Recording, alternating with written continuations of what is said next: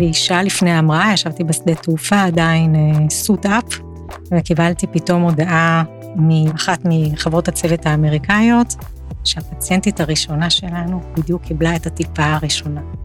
אז ביקשתי כוס יין אדום, ופשוט בכיתי מול הבריסטה שם בשדה, והוא הסתכל עליי, לא יודע מה לעשות איתי. אמרתי לו, זה בסדר, אנחנו חוגגים פה. דוקטור דפנה חיים לנגפורד היא מנכ"לית ויזמת של חברת תרופות וגם ראש איגוד הביומימיקרי בישראל. היא בוגרת תואר שני ושלישי בביוטכנולוגיה מהטכניון. הטכנולוגיה הייחודית שהיא פיתחה לריפוי מחלת עיניים אוטואימונית בהשראת הטבע, זיכתה אותה לאחרונה בפרס יוקרתי מטעם האיחוד האירופי.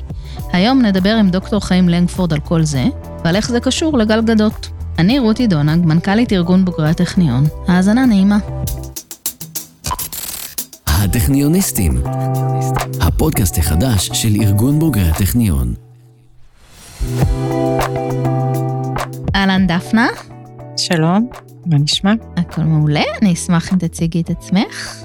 אני דפנה, אני אה, היום אה, מנכ"לית של תרסייה פרמסוטיקלס, אני בוגרת אה, תואר שלישי בטכניון, מהמעבדה של פרופסור יורם פלטי, ואני שמחה להיות כאן. גם אנחנו. אשמח שתספרי לנו איך הגעת לתחום היזמות? אז הכל התחיל בטכניון, במעבדה של פרופסור יורם פלטי. יורם פלטי הוא איש אה, רב פעלים, עם, אה, בלי סוף פטנטים. הוא לימד אותי כמנחה שלי גם במאסטר וגם בדוקטורט, שלכל דבר שאנחנו רוצים לעשות, או חושבים שצריך לעשות, השאלה היחידה שצריך לשאול היא, איך? איך כן? וכשאלה היסודות שלך, זה מאוד קל ללכת לתחום היזמות. את אה, רוב המאסטר שלי וחלק גדול מהדוקטורט עשיתי בחברת כרמל ביוסנסורים, שהייתה אחת החברות היזמיות פורצות הדרך של פרופסור יורם פלטי בחיפה. אה, לימים פרופסור פלטי, אני מניחה שהרבה יודעים, הקים את נובוקיור, פיתוח אה, פורץ גבולות בטיפול בסרטן המוח, שמבוסס על היכולת לפגוע בחלוקת תאי סרטן במוח. טיפול חדשני, מכשור רפואי שמטפל בסרטן, שלא כמו רוב הטיפולים שהם טיפולים תרופותיים. אז אה, לגדול במעבדה של אה, פרופסור פלטי, עם כל היזמויות שרצות מסביב, זה פשוט אה, הערוץ הישיר ליזמות. ואני מבינה שככה לפני כן התעסקת בכל מיני דברים אחרים שקשורים לתחום הבריאות, את יכולה קצת אה, לספר על זה? מיד אחרי הדוקטורט אצל אה, פרופסור פלטי והעבודה בכרמל ביוסנסורים כמנהלת פרויקטים אה, מאוד צעירה, תוך כדי הלימודים האקדמיים ועבודת המחקר שלי, ישר התחלתי וניהלתי חברת חממה. לאחר מכן עברתי לחברת מדינגו, סטארט-אפ רפואי, שפיתח אה, אינסולין פאץ' פאמפ, שזה בעצם משאבת אינסולין מיניאטורית לחולי סוכרת, נשארתי בעולם הסוכרת. לאחר מכן עברתי לקסניה ונצ'ר קפיטל, תמיד בעולמות היזמות, שזו חברת הון סיכון קטנה, אה, נסחרת בבורסה בתל אביב, כוללת אה, חממה טכנולוגית, בהתחלה בקריית גת, אחר כך חממת VLX בירושלים. משם ניהלתי את כל הפורטפוליו הרפואי, כולל השקעות בחברות חדשות, וניהול, ישיבה במועצות מנהלים של אה, חברות בשלבים שונים, בתחומים שונים, תחומים של Life Sciences, מכשור רפואי, תרופות, שלבים של אה, מכירות של אה, מוצרים פורצי דרך בחו"ל, ממש אישורים רגולטוריים, וכמובן התחלות חדשות והשקעה בחברות אה, חממה בראשיתן. אז בשנים האלה באמת ראיתי הרבה מאוד טכנולוגיות, הרבה מאוד יזמויות בתפקיד, בתפקיד הזה. והתעסקת גם בדברים שקשורים לסרטן ההרמונית, אם אני מבינה נכון? אה, בין היתר, אה, היו לנו חברות פורטפוליו שונות. אה, בשלב מסוים הייתי בעשר מועצות מנהלים, חברות שהן חלקן בתחום האורתופדיה, כמו אורטוספייס, שלימים נרכשה ביותר מ-200 מיליון דולר. חברות אה, נוספות, כמו קסנוליט, שעסקה באבנים בדרכי השתן, אה, חברת מדיטייט, אה, שנרכשה גם בכמעט 300 מיליון דולר רק לאחרונה, שעוסקת בלא סרטן הפרוסטטה, אלא פרוסטטה מוגדלת, גם טכנולוגיה מדהימה של עידו קילמניק. וגם במדיטייט, חברה שבאמת מאפשרת להעביר יותר עוצמה גדולה יותר של הקרנה לעבר סרטן הפרוסטטה באמצעות בלון מתכלה שמוחדר לאזור המחלה. באמת באיזשהו שלב, אחרי כל כך הרבה עבודה ועשייה, גם באזורי הפרוסטטה, שכמו שאפשר לשמוע מהקול שלי, אין לי, מצאתי טכנולוגיה מרתקת בשיבא, שפותחה על ידי פרופסור שונפלד ופרופסור בלנק, מהיחידה למחלות אוטואימוניות בבית החולים שיבא. וכחלק מתהליכי due diligence שביצענו להרבה מאוד פרויקטים, הפרויקט שלהם מאוד הדליק אותי, הדליק אותי ברמה הטכנולוגית. זה היה נשמע לי כמו פתרון מאוד מאוד מעניין למחלות אוטואימוניות. ובאיזשהו שלב באמת החלטנו להשקיע בחברה הזאת מטעם החממה, בפרויקט הזה, והקמנו שתי חברות במקביל. חברה אחת שלקחה את הטכנולוגיה שתכף נספר עליה, אני מניחה, לכיוון של מחלות אוטואימוניות סיסטמיות, חברת טיפיסרה. ואני, שאין לי פרוסטטה, אבל כן אובחנתי כילדה קטנה עם מחלת עיניים אוטואימונית מסכנת ראייה, החלטתי, ובתמיכה של כמובן הצוות הנפלא של קסניה ושל VLX, לקחת את זה ולחזור לעולמות ה execution ממש, שהייתי לפני קסניה, ולהקים את תרסייר פארמה, ולפתח את התרופה הזאת לחולים עם, וחולות עם uveitis, שזו מחלה אוטואימונית של העיניים. זאת אומרת, טכנולוגיה שפותחה אה, למחלות אימוניות אחרות, ואת בעצם אה, משתמשת בה אה, לטיפול במחלות אה, עיניים אוטואימוניות, או במחלה ספציפית? אז החברה כמובן מתחילה עם מחלה אוטואימונית מאוד מאוד ספציפית, זו, מחלת, זו חברת פלטפורמה, ויש לנו אה, ב pipeline אה, מוצרים שמבוססים על הטכנולוגיה הזאת, גם למחלות, למחלות אה, דלקתיות אחרות של אחורי העין, לאו דווקא אוטואימוניות, וכן, זה מה שאנחנו עושים. הטכניוניסטים. דפנה, בואי תספרי לנו ככה מה זה באופן כללי מחלות אוטואימוניות ויוביטיס באופן ספציפי. מחלות אוטואימוניות הן שורה מאוד ארוכה, כ-80 מחלות, שבעצם בהן מערכת החיסון של הגוף מתבלבלת, ומייצרת דלקת במקום שלא צריכה להיות בו דלקת, בלי איזושהי סיבה חיצונית, כמו פתוגן, וירוס או חיידק, שמחוללים את אותה דלקת.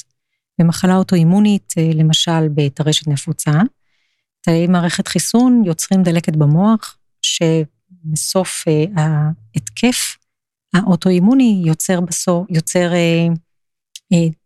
רקמה צלקתית, שפוגעת בסופו של דבר בפונקציונליות של המוח. בסכרת נעורים, אותו דבר, דלקת אה, אה, בלבלב, אוטואימונית, ללא שום סיבה פתוגנית, שיוצרת צלקות, ובסופו של דבר לאובדן פעילות תאי בטא של הלבלב. וככה בדלקת פרקים ובזאבת, וגם ביוביטיס. תאי מערכת חיסון שלא אמורים להיות בעין, נכנסים לעין כתוצאה מבלבול, ומייצרים דלקת בעין. הדלקת הזאת מתבטאת בתאי מערכת חיסון שנכנסים לעין, אה, גורמת לכאבים, גורמת לרקמת צלקת בתוך העין, והעברונים בעין הם מאוד מאוד עדינים, ורקמות צלקת בעין גורמות בסופו של דבר גם לעלייה בלחץ התוך-עיני, לפגיעה, ב, לפגיעה בצמצום האישון ולאובדן ראייה. אז תספרי קצת באמת על הטכנולוגיה. הטכנולוגיה שלנו, אנחנו קוראים לה מולקולה TRS, זו מולקולה מאוד מעניינת, היא מורכבת בעצם משני חלקים פעילים. חלק אחד הוא פפטיד קטן, שמופרש בדרך כלל מהטחול שלנו, ואחראי להביא את מערכת החיסון לשיווי משקל לאחר מחלה. קוראים לחלבון הזה תפצין, זה פפטיד, זה חלבון מאוד מאוד קטן, ארבע חומצות אמינו. החלק השני הוא פוספורילכולין. פוספורילכולין גם היא מולקולה מאוד אה, פשוטה, קטנה יחסית, שזה תמיד אה, טוב בתרופות, כי זה יותר קל כמובן לייצר את הפורמולציה ואת אה, צורת המתן. ופוספורילכולין זו מולקולה מעניינת בפני עצמה. פוספורילכולין הוא החלק הפעיל במולקולת ענק גליקופרוטאינית, שמופרשת בצורה טבעית מלא אחרים מאשר תולעי מעיים. עכשיו, תולעי מעיים, אני מקווה שאף אחד כאן הוא לא לפני ארוחת צהריים או ערב, כשהוא מקשיב לנו. לתולעי מעיים ובכלל לפרזיטים יש אסטרטגיית הישרדות. כדי לעבור את האבולוציה, הם היו צריכים, כשהם נמצאים בתוך המאחסן, ההוסט, איכשהו לשרוד את מערכת החיסון של המאחסן. וכדי לעשות את זה, אה, פרזיטים ותולעי מעיים, ביניהם מפרישים חומרים מדכאי מערכת חיסון, אימונוסופרסנטים כאלה ואחרים. אותה תולעת מים שאנחנו מדברים עליה, אכן נמצאת בצורה אנדמית במדינות עולם שלישי, כמו אפריקה וכמו אה, הודו וכן הלאה. ובאמת, ממחקרים אפידמיולוגיים, ניתן לראות שבמדינות אלה יש שכיחות נמוכה יותר של מחלות אוטואימוניות. ועל בסיס ההבנה האפידמיולוגית הזאת, אה, פותחה תיאוריית ההיגייניות, שגורסת שאיפה שיש היגיינה נמוכה יותר, יותר פרזיטים, יותר תולעי מעיים ואחרים, השכיחות של המחלות האוטואימוניות נמוכה יותר. ולהפך, במדינות אה, מפותחות, שבהן ההיגיינה גבוהה יותר, יש פחות תולעי מעיים, אבל יש הרבה יותר מחלות אוטואימוניות. וההסבר הוא באמת תולדה מאסטרטגיית ההישרדות של אותם פרזיטים. פרזיטים שונים משחררים ומפרישים חומרים אימונוסופרסנטיים, מדכאי מערכת חיסון ברמה כזו או אחרת, חומרים שונים על ידי פרזיטים שונים. כמובן שאם הם יפרישו כמות גדולה מדי של חומרים מדכאי מערכת חיסון, המאחסן, במקרה הזה אנחנו, נהיה חשופים לפתוגנים אחרים ולא נשרוד, ולכן גם הם לא היו שורדים את האבולוציה.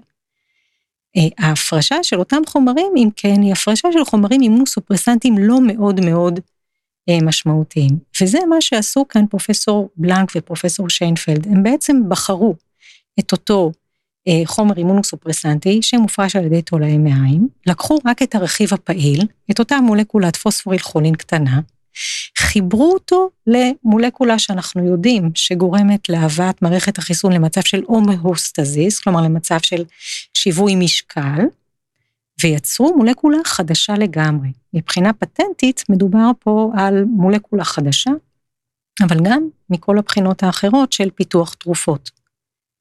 המולקולה הזאת נמצאה במחקרים שונים במחלות אוטואימוניות סיסטמיות של דלקת פרקים וזאבת ואחרות, שיש פה בעצם פעילות סינרגיסטית של שני החלקים בנפרד כאשר הם מחוברים. אז רגע, כדי להבין בעצם אותם תולעי מעיים או פרזיטים שאנחנו לא כל כך אוהבים שנמצאים אצלנו בגוף, יש להם גם איזשהו אפקט חיובי, ואת האפקט החיובי הזה אתם מנסים לרתום אה, לטובת אה, טיפול במחלות אוטואימוניות. מדויק. בעצם אתם כרגע נמצאים בשלב של רישום פטנט? לא, הפטנט כבר רשום, אנחנו כבר רושמים הרבה מאוד פטנטים. החברה, וזה השלב המרגש שבו אנחנו נמצאים, התחילה לפני אה, כחודש, בספטמבר, בסוף ספטמבר 21, התחלנו ניסוי פאזה שלישית בארצות הברית, אה, עם הטיפות עיניים שפיתחנו על בסיס אותה אה, טכנולוגיה. יש פה הרבה פטנטים בדרך על הפורמולציה ועל דברים נוספים. אה, והתחלנו לטפל, אחרי שביצענו ניסוי פאזה ראשונה שנייה מוצלחים בארצות הברית בשנת 2020, התחלנו עכשיו, ב, אחרי שקיבלנו את ברכת הדרך מה-FDA, ניסוי ב-21 מרכזים רפואיים בארצות הברית עם הטיפות עיניים שלנו. אנחנו בחודשים הקרובים נפתח עוד כעשרה מרכזים רפואיים באירופה.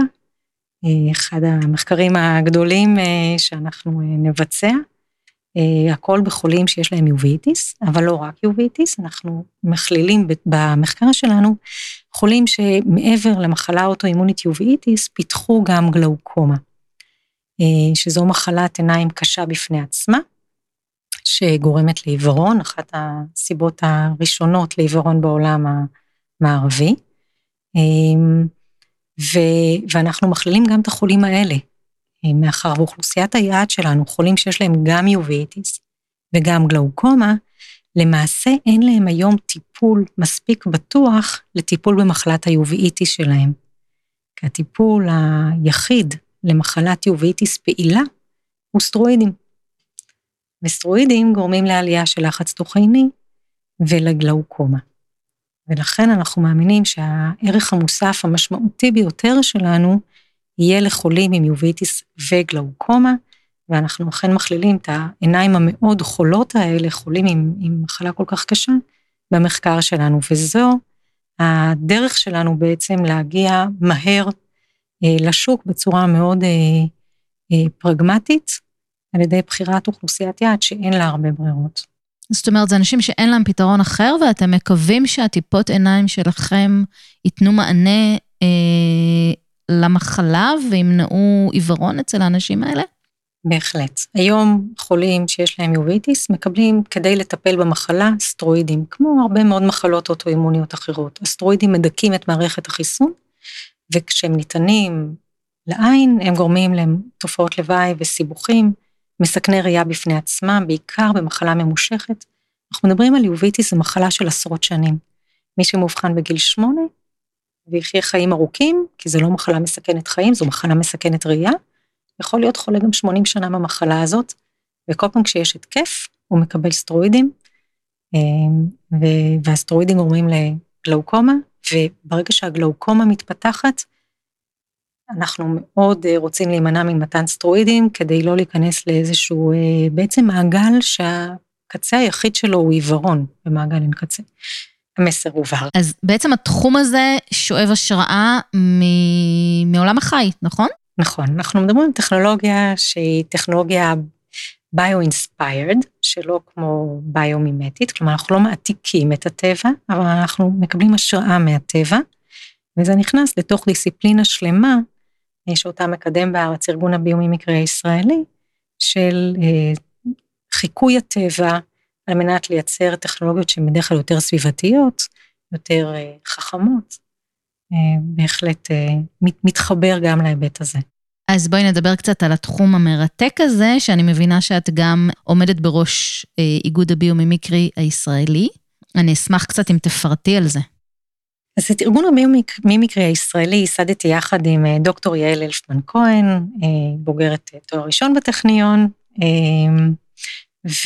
והארגון הוקם בעצם במטרה בשנת 2009 להעלות את המודעות לתחום הזה בארץ, תחום שלא הייתה לו אה, מודעות בכלל, היום רושמים ביומימיקרי ואפשר למצוא אין ספור דוגמאות וטקסטים בעברית, הרבה מהם הארגון באמת אה, שקד על אה, פיתוחם ו, והרבה כבר אחרים. ביומימיקרי היא דיסציפלינה בעצם מולטי דיסציפלינרית, מדובר על תחום דעת מאוד עשיר, שהעקרונות שלו אומרות, אומרים, במקום לבוא ולחק... ו... ולהמציא את הגלגל מחדש, במקום לבוא ולייצר או לפתח מוצרים, כמו שאדם יודע, בוא נוסיף עוד אנרגיה, עוד כוח, עוד אה, חומר, כדי להגיע למשהו שהוא טוב יותר, חזק יותר, בוא נסתכל על הטבע. בטבע אין אה, עודף אה, אנרגיה ועודף חומר, ויש תשלום מיידי על כל עודף, וננסה לחקות את התהליכים, תהליכי הדיזיין אה, של ה... והתכנון של, של האבולוציה. מדובר פה על כמה מיליארדי שנות אבולוציה, הדברים הטבעיים מתאימים למקום, מתאימים לאקלים, אה, משתנים עם הזמן, ויש הרבה מאוד טכנולוגיות של אה, ניצול אנרגטי, יעילות בכמות החומר, שכמובן הרבה פחות שימוש ברעלנים בטבע, שמביאים לתוצאות טכנולוגיות מדהימות. אז הקמנו את הארגון, יש קורסים באקדמיה היום, הרבה מאוד תוכניות לימוד, וזהו, אני מאוד מאוד גאה בעשייה הזאת כמובן. את יכולה לתת לנו דוגמה למשהו שהוא, uh, שכולנו מכירים ושהוא בעצם, אפשר להגיד שהוא uh, ביומימיקרי? בוודאי, אפשר לתת דוגמאות. הדוגמה המוכרת ביותר שכולנו משתמשים בה, כנראה על בסיס יומי, זה הוולקרו, הסקוץ'. מדובר על איזשהו אה, מהנדס שוויצרי שיצא לטיול עם כלבו ביער, והקוצים נדבקו לפרוות הכלב שלו, ושוויצרי כמו שוויצרי היה צריך שהכלב יהיה מסודר ונקי, ובאותו פולה את אותם קוצים מהפרווה, הוא אמר, וואלה, יש פה משהו מעניין, לקח את הקוץ ההיצמדות המהירה, אבל גם ההיפרדות המהירה של הקוץ, מאוד uh, עניינו אותו. אץ רץ, בדק את הקוץ תחת המיקרוסקופ האלקטרוני וגילה באמת uh, מודל של זיזים וקרסים, שמאוד בקלות uh, נדבקים אחד לשני ומאוד בפשטות ניתקים אחד מהשני. Um, כמובן בשביל אותו צמח שאלה הקוצים שלו, ככה הוא מפזר את עצמו רחוק מצמח האם, זו כמובן תולדה של צורך אה, קיומי אה, אה, כדי להתרבות. ובשביל אותו מהנדש בצרי, הוא אץ רץ, רשם פטנט, נעשה, לקחו את הפטנט, והנה אנחנו פה. אחת הדוגמאות מדהים. הכי ידועות, אבל יש כמובן עוד אין ספור דוגמאות בכל תחום שלא נסתכל עליו היום. זה נפלא. הטכניוניסטים. רציתי לשאול אותך אה, אם את יכולה ככה לחלוק איתנו רגע מרגש במיוחד אה, במסע האחרון עם העיניים. האמת היא שיש הרבה מאוד אה, רגעים מרגשים, יש הרבה מאוד אתגרים. לפתח תרופה מאפס, מפטנט של זהו, זה מה שהיה לנו, רק הנה המולקולה והיא עובדת שם.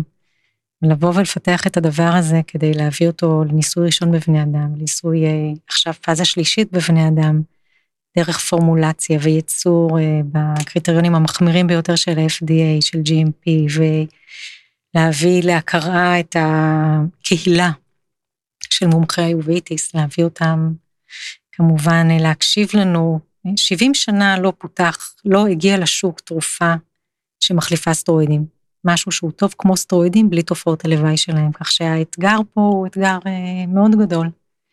ושמעתי הרבה, אין לך סיכוי, אבל כמו שאמרנו, אנחנו, השאלה היחידה שלנו זה לא אם יש או אין סיכוי, אלא איך הופכים את הסיכוי הזה למציאות, וזה מה שאנחנו עושים. אני חושבת שאחת הפעמים שבאמת אה, הכל, כל ההתרגשות מהמסע הזאת התפרצה אצלי הייתה כשישבתי לי בבוסטון, אחרי טיסת אה, איי מסן פרנסיסקו, ביום אה, פגישות אה, מתיש בקרב, כמו כל יום פגישות מתיש אחר. והיה לי שעה לפני ההמראה, ישבתי בשדה תעופה, עדיין סוט אפ, הזמנתי מרק, וקיבלתי פתאום הודעה מאחת אחת מחברות הצוות האמריקאיות, שהפציינטית הראשונה שלנו בדיוק קיבלה את הטיפה הראשונה, לתוך העין של התרופה. וזה בעצם בן אדם ראשון ever בעולם שקיבל את החומר הזה, שנהגה בתל השומר ועבר הרבה מאוד תהפוכות והפך לטיפות עיניים ויוצר בשוודיה וטס בקורייר מיוחד והגיע לניו ג'רזי וזו אישה בת 60 אה, שהיא חולה באין ספור מחלות, יש לה סכרת ויש לה לופוס, שזה זאבת, ויש לה היפרקולסטרולמיה ויש לה מחלה של בלוטת התריס, הרבה פעמים מחלות אוטואימוניות באות ב... על הרצף, מישהו שיש לו אחת, יש לו עוד מחלות. באמת אישה אה, עם גלאוקומה קשה כבר כתוצאה ממחלות העיניים, אה, שכבר לא רואה טוב. והיא תחשבו איזה אומץ, לבוא ולהחליט שאתה מקבל תרופה שהרופא לא יכול להגיד לך איך תגיב לזה, כי אף אחד לפניך לא קיבל אותה. ו... והיא מספרת לי את זה, ואני מסתכלת על השעון, וזה ערב, ואני יודעת שהיא עברה את כל הבדיקות כדי להיכנס לניסוי, עברה יום שלם של באמת עינוי עיניים לא פשוט.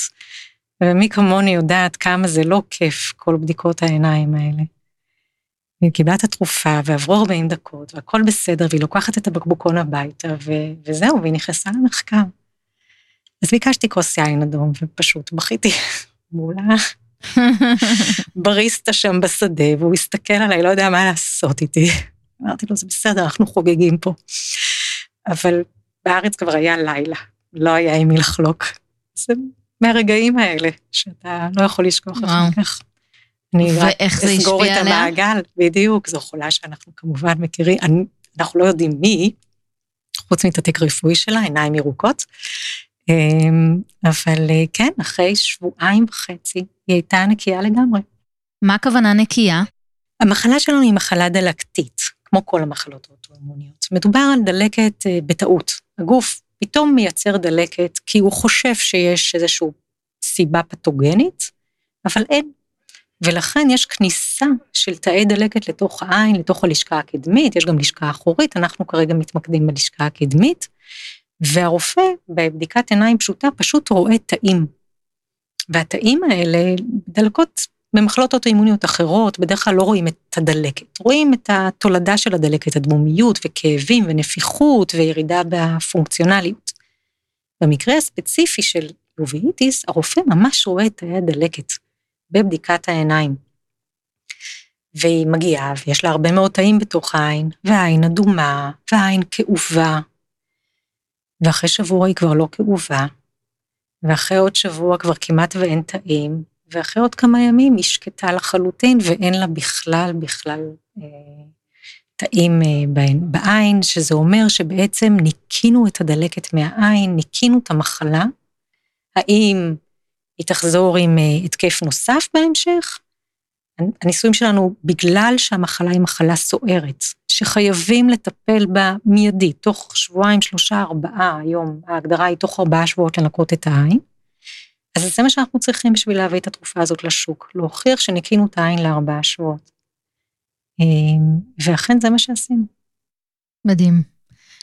וזה זה מטפל גם בגלוקומה, או שזה פשוט מונע המשך הידרדרות בכיוון הזה? אז אה, מאוד מעניין, אבל אכן מצאנו גם בניסויי בעלי החיים, אבל גם בניסוי אה, הזה, אגב, לניסוי קוראים גדות, על שם ה Wonder אה, Woman הישראלית הידועה. לא אנחנו נתנו את השם, אנשים חושבים, אבל לא, איזשהו פרופסור ב Cleveland Clinic אמר, אתם חייבים לתת אה, שם של גיבורי על למחקר. אמרתי, אני לא מכירה גיבורי על. אני לא מכירה גיבורי על. גל גדות? אני לא יודעת. וואו, זה סקופ היסטרי, אוקיי. אוקיי. מדהים. הניסוי יצא טוב, כן, התוצאות חיוביות. אם היו לא חיוביות, אולי היא לא הייתה רוצה לדעת את זה. מדהים. אבל, אני לא חושבת שהיא יודעת את זה. אבל כן, איזשהו אה, פרופסור ב Cleveland Clinic אמר לנו, אתם חייבות שם של גיבור על. אמרתי, אני לא מכירה גיבורי על, זה לא ז'אנר שלי כל כך, אני אשאל את הילדים. ואז אחת הקולגות הנפלאות שלי אמרה לי, רגע, יש לנו את גל גדות. אז אה, גדות, גדות 2020. 2020 זה כמו 6-6, ברק ככה האמריקאים mm-hmm, מסתכלים כן. על ראייה, בדיוק. אז גדות 2020. זה מושלם. אמ, טוב, אז, אז גיבורות על זה מעולה. את קצת היית צריכה להיות גיבורת על כדי להגיע למקום הזה, נכון? אני יודעת, כמו שאמרתי, אמ, אנחנו רק שואלים איך. אוקיי, מה זאת אומרת שואלים איך? הרבה דברים הם קשים. האם התרופה תעבור את הקרנית? האם התרופה תהיה יציבה? יש כמות השאלות זה אלף שאלות ביום, ממש ככה זה כשמפתחים תרופה, וזו תרופה חדשה, זה לא לקחנו משהו מהמדף וערבבנו ויצרנו משהו דומה. זה משהו שהוא חדש לגמרי, אז יש אלף שאלות ביום שצריך לענות עליהן. ויש את האנשים שאומרים אי אפשר, או לא תצליחו, או אף אחד לא יצליח, או ה-FDA לא יסכים לכם. אבל עוד פעם, אנחנו שואלים איך ה-FDA יסכים לנו. ואיך כן אפשר. אפשר, ואיך נמצא את הדרך. אנחנו צוות מאוד קטן, רובו נשי, אמ, כך יצא. ואנחנו פשוט הופכים את העולם. אנחנו מוצאים את היועצים הכי טובים שיש. אנחנו נעזרים באנשים, אה, אנשי המקצוע הכי טובים שיש, איפה שהם נמצאים, אנחנו מגיעים אליהם, אנחנו מגיעות אליהם. אנחנו לא מוותרים, אם למישהו לא ממש מתחשק לעבוד איתנו, אז uh, היום לא מתחשק לו לעבוד איתנו. אם הוא יכול לעזור לנו, אז אנחנו נמצא את הדרך uh, לקבל את תשומת ליבו, נמצא את הדרך uh, לליבו ולקבל עזרה. אנחנו בדרך כלל עובדים עם יותר מיועץ אחד לכל אחד מהתחומים, מה שמאפשר לנו מצד אחד להוזיל עלויות, נשמע קצת אוקסימורון. אנחנו פשוט באמת עושים הרבה מאוד מהעבודה השחורה שנאמר בבית, בינינו, ומוציאים החוצה את השאלות הקשות החוצה. ויש לנו, אנחנו, צוותים, צוותי הייצור שלנו באירופה, הצוותים של ניסוי הטוקס, הצוותים של ניסויים הקליניים, זה באמת, אה, הרבה מאוד וונדר וומנס ווונדר מנס שמלווים אותנו, ואנחנו לא מוכנים לשמוע, זה התחיל מזה שאמרו לי יוביטיס לא מעניין. משכיח, למה משכיח, לא מעניין? הם משמיעים, כי יש סטרואידים וזה פותר את הבעיה, ו... וזה שוק קטן, אנחנו אנשים מאוד מיוחדים, אין הרבה כמונו. אה, אז אמרתי, אוקיי, אז איך נעשה את זה מעניין? אה, אז מצאנו, מצאנו איך לעשות את זה מעניין. אה, זה לא היה, לי זה לא היה כל כך מסובך מן הסתם, כי יוביטיס גלאוקומה זה לצערי הרב מחלה שאני מכירה מקרוב. אז אמרנו יוביטי גלאוקומה, ואז ישבנו עם, עם ה-FDA, אמרנו יוביטי גלאוקומה, אז אמרו לנו, נכון, שם צריך, שם אין ברירה. ורופאים, כשאנחנו אומרים להם יוביטיס, אז הם אומרים, כן, יש סטרואידים. ומה אתם עושים עם יוביטיס גלאוקומה?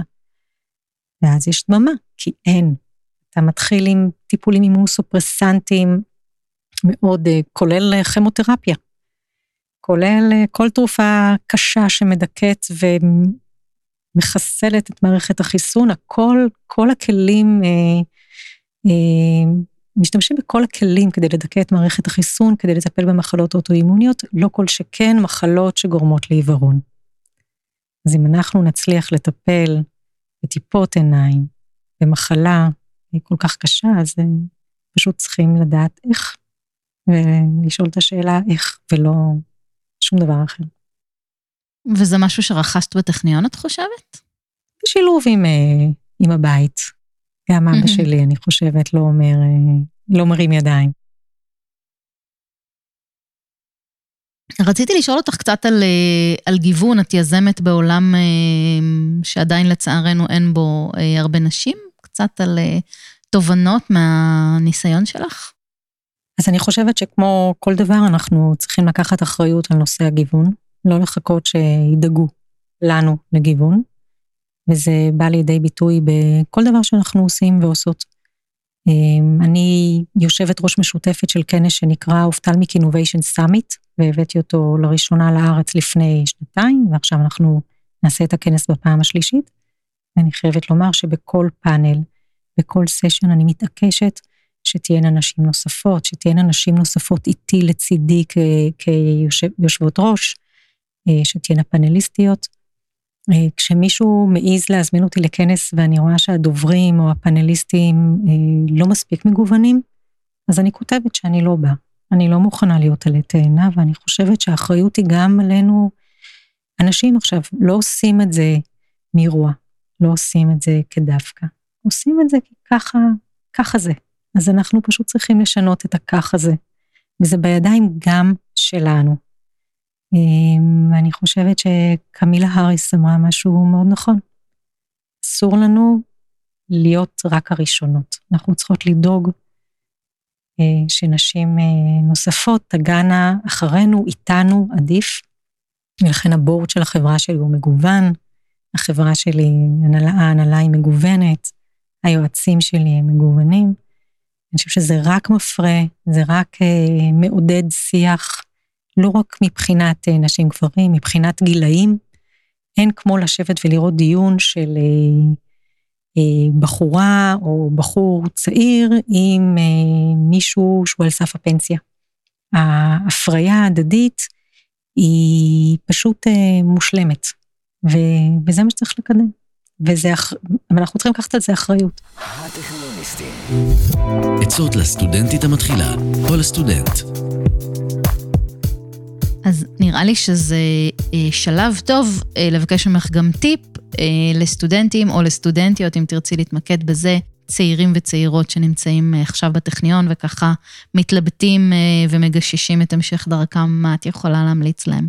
אז אני, אני חוזרת להמלצה של, של תחילת הדרך. כשאתם בוחרים את המסלול שלכם, כשאתם מתחילים ומתחילות כמובן את עבודת המחקר, זה מאוד קל לבוא להסתכל מה עושים במעבדה, לקבל את הצעת המחקר שהמנחים אה, מציעים לכם, ולהתקדם אה, ולעשות, אה, להיכנס לתוך המסלול הרגיל.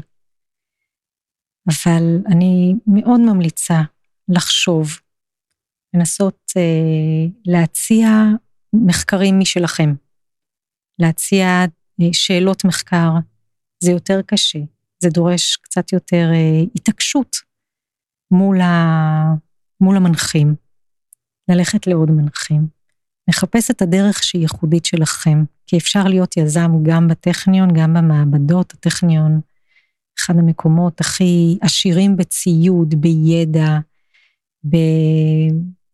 מה, מה שאתם צריכים לעשות שם בשביל מחקר יש. רק צריך לדעת לחפש את זה ולמצוא את זה ולחשוב על זה ולהתייעץ, ולא, לאו דווקא להיכנס אה, ל, לרשימת הצעות המחקר שמציעים לכם. תחשבו איך לעשות את זה בדרך שלכם. מעניין. את חושבת שהיית מגיעה, או שמישהו אחר, בלי המוטיבציה האישית שלך, היה יכול להגיע ל... אה, בעצם לפיתוח הזה? או שזה ההנאה העיקרית? אני בטוחה. יש כל כך הרבה יזמים ויזמיות אה, עם הרבה מאוד מוטיבציה. בעולם הרפואה זה קל.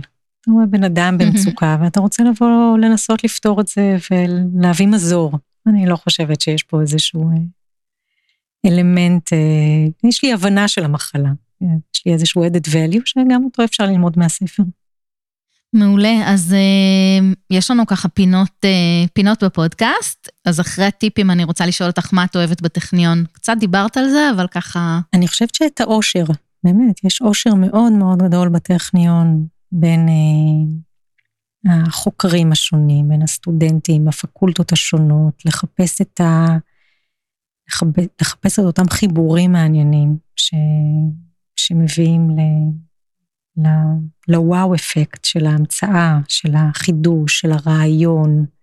מי, ש... מי שמוכן לכתת רגליים ולהסתובב בין הפקולטות השונות, אפילו רק להסתכל איזה ציוד יש ואיך אתה יכול, איך, שוב, אתה יכול uh, לנצל את הציוד הזה למחקר, או לשאול עוד שאלות. זה קסם. קסם טכניוני. מה זה עבורך להיות בוגרת טכניון? אני חושבת שאני בקבוצה נפלאה. הכי טובה. זה נכון. הטכניוניסטים. ועכשיו, השראה טכניונית. אני רוצה לבקש ממך אה, לקראת סיום אה, שם של בוגר או בוגרת שהם מעוררי השראה עבורך. על אחד כבר דיברנו בתחילת הפרק, אבל אולי תוכלי למצוא לנו עוד אה, מישהו או מישהי. אז יעל, דוקטור יעל אלפמן כהן בוודאי. אה, שותפתי לדרך אה, הביומימטית, אה, ודוקטור יאיר שפירא מניני ספיץ'. מעולה. תודה רבה, דפנה. היה מרתק. תודה רבה, רותי. ותודה לכן ולכם על ההאזנה. אנחנו הטכניוניסטים, הפודקאסט של ארגון בוגרי הטכניון. תוכלו למצוא אותנו בכל יישומוני הסטרימינג וההסכתים, שם אפשר להאזין לכל הפרקים ולהירשם לקבל עדכונים על פרקים חדשים. אם גם אתם רוצים להשתתף בפודקאסט שלנו, צרו איתנו קשר דרך האתר של ארגון בוגרי הטכניון. אני רותי דונג, להתראות. הטכניוניסטים, הפודקאסט החדש של ארגון בוגרי הטכניון. הטכניוניסטים, זמין להאזנה בספוטיפיי, דיזר, אפל פודקאסט, גוגל פודקאסט ובאתר ארגון בוגרי הטכניון. הטכניוניסטים